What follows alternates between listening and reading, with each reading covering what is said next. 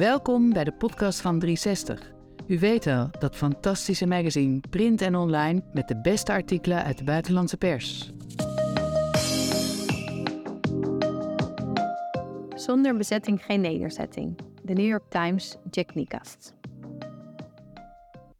De beweging van landloze boeren mobiliseert arme Braziliaanse om braakliggende landbouwgrond van de rijkste boeren te bezetten. Naar schatting wonen er op dit moment zo'n 46.000 gezinnen in zulke nederzettingen. Itabella, Brazilië.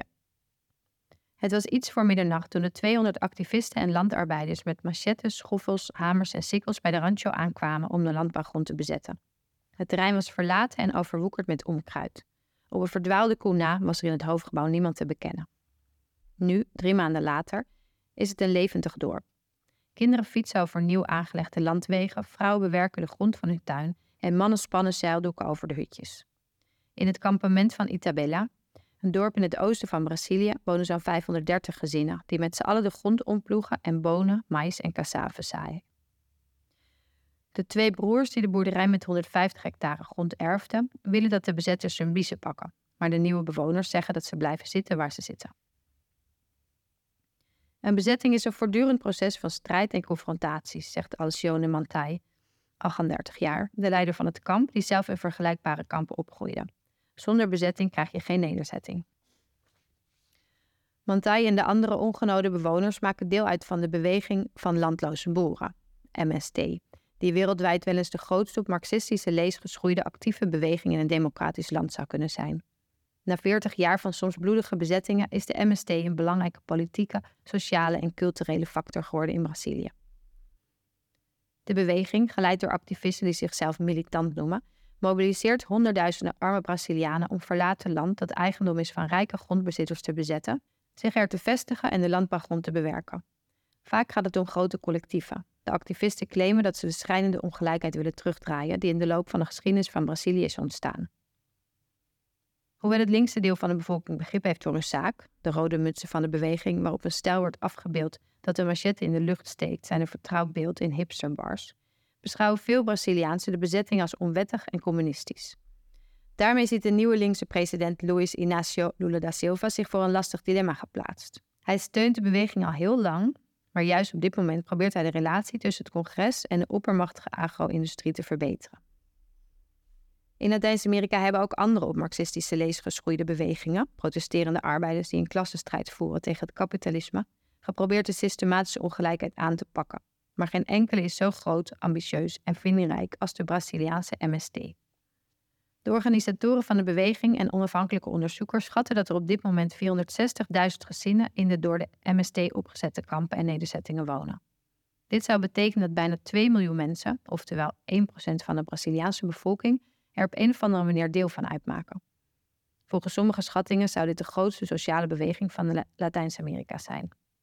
Onder het bewind van Jair Bolsonaro, de rechtse oud-president van Brazilië, boette de beweging aan kracht in. De bezettingen stopten grotendeels tijdens de pandemie, maar namen daarna hand over hand weer toe.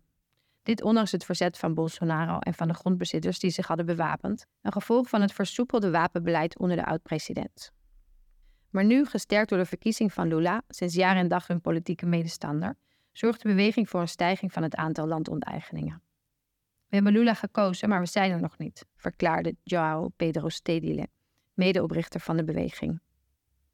Als gevolg van de nieuwe landbezittingen is er een tegenbeweging ontstaan, Invasao Zero, nul invasie.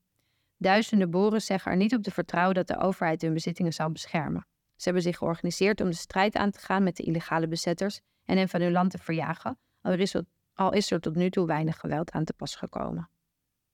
Niemand wil vechten, maar er is ook niemand die zijn bezittingen kwijt wil raken, zegt Boer Everaldo Santos, 72, leider van een lokale boerenvakbond en eigenaar van een rancho met 404 hectare grond, niet ver van het kampement in Itabela. Je hebt het gekocht, je hebt er je geld in gestoken, je hebt alle papieren op orde, je betaalt belasting. Dus dan sta je niet doordat mensen het inpikken, zegt hij. Je verdedigt wat van jou is.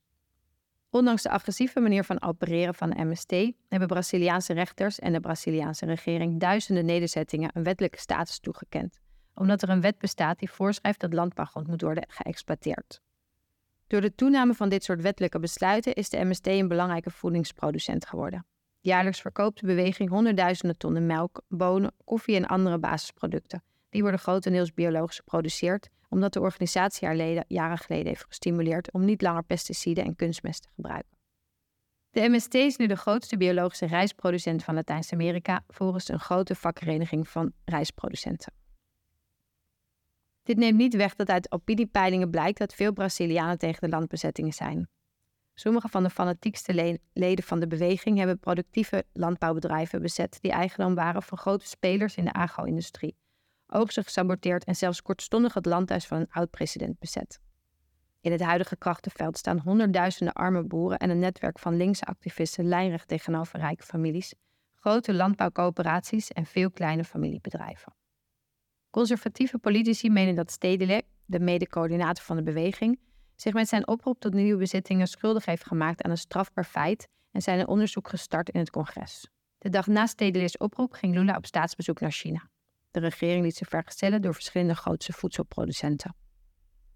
Lula heeft al jaren nauw banden met MST. Tijdens zijn eerste regeringsperiode, twee decennia geleden, betuigde de eerste Braziliaanse president die uit de arbeidsklasse afkomstig is openlijk steun aan de beweging. De oneerlijke verdeling van grondbezit stamt uit de koloniale tijd, toen de grond eigendom was van machtige witte mannen. Door ongebruikte landbouwgrond te confisceren en toe te wijzen aan armlastige boeren, heeft de regering geprobeerd de balans te laten uitslaan naar de andere kant. De MST probeert op haar beurt toewijzingen te forceren door braakliggende landbouwgrond te bezetten. Volgens Bernardo Manzano Fernandes, een docent aan de Staatsuniversiteit van Sao Paulo, die al decennia lang onderzoek doet naar de beweging, heeft de regering zo'n 60% van de bezetting van de MST gelegaliseerd. Dit is volgens hem te danken aan de organisatoren, die er voortdurend in slagen om ongebruikte landbouwgrond op te sporen. Tegenstanders vinden dat de regering de bezettingen aanmoedigt, doordat ze de illegale onteigening beloont. Volgens hen zouden ze de bezetters juist moeten dwingen zich aan de regels te houden en verplichte bureaucratische wegen te bewandelen om overheidstoestemming te krijgen voor het bezitten van een stuk land. Maar de MST staat op het standpunt dat de regering geen poot uitsteekt als ze niet onder druk wordt gezet. De bewoners van het kampement in Itabela hebben verschillende achtergronden, maar dezelfde wens: een eigen stukje land. Dus dat is niet vriendelijk voor ons, zegt Marclesio Teles, 35. Hij is koffieplukker en zit voor het hutje dat hij voor zijn vijfkoppige gezin bouwde. Zijn gehandicapte dochter zit naast hem in haar rolstoel. Dit hier is een plek waar rust is.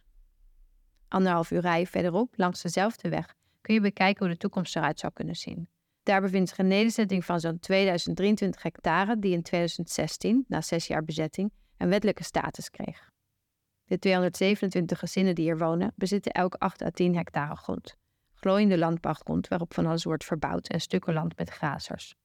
Ploegen en tractoren zijn voor gezamenlijk gebruik, maar verder verbouwt ieder zijn eigen stuk grond. Samen produceren ze ongeveer 2 ton voedsel per maand. Voordat Daniel Alves, 54, in 2010 dit land bezette, bewerkte hij het land van iemand anders. Nu verbouwt hij op 8 hectare grond 28 verschillende soorten gewassen, waaronder bananen, peperkorrels, klimmend drakenfruit en copoazou, een tropische vrucht uit het Amazonegebied. Alles wordt biologisch geteeld. Alves verkoopt zijn oogst op de lokale markt. Deze beweging haalt mensen uit de misère, concludeert hij. Zijn kleindochter Esther Fani, van 11, gaat naar een openbare school in de nederzetting die deels wordt gerund door de MST. Het is een van de 2000 MST-scholen in Brazilië. Vind jij 360 Magazine ook zo'n goed blad? Hoe ze het alleen al voor elkaar krijgen om al die kranten te lezen? Ja, iedereen vraagt om steun voor kwalitatieve journalistiek, dat is logisch. Maar dit initiatief zou ik nou best eens een iets ruimer financieel jasje gunnen. Hoe kan dat? Ja, dat kan sinds kort via fooiepot.com slash 360 magazine. Dat is fooiepot met een d.com schuine streep 360 magazine.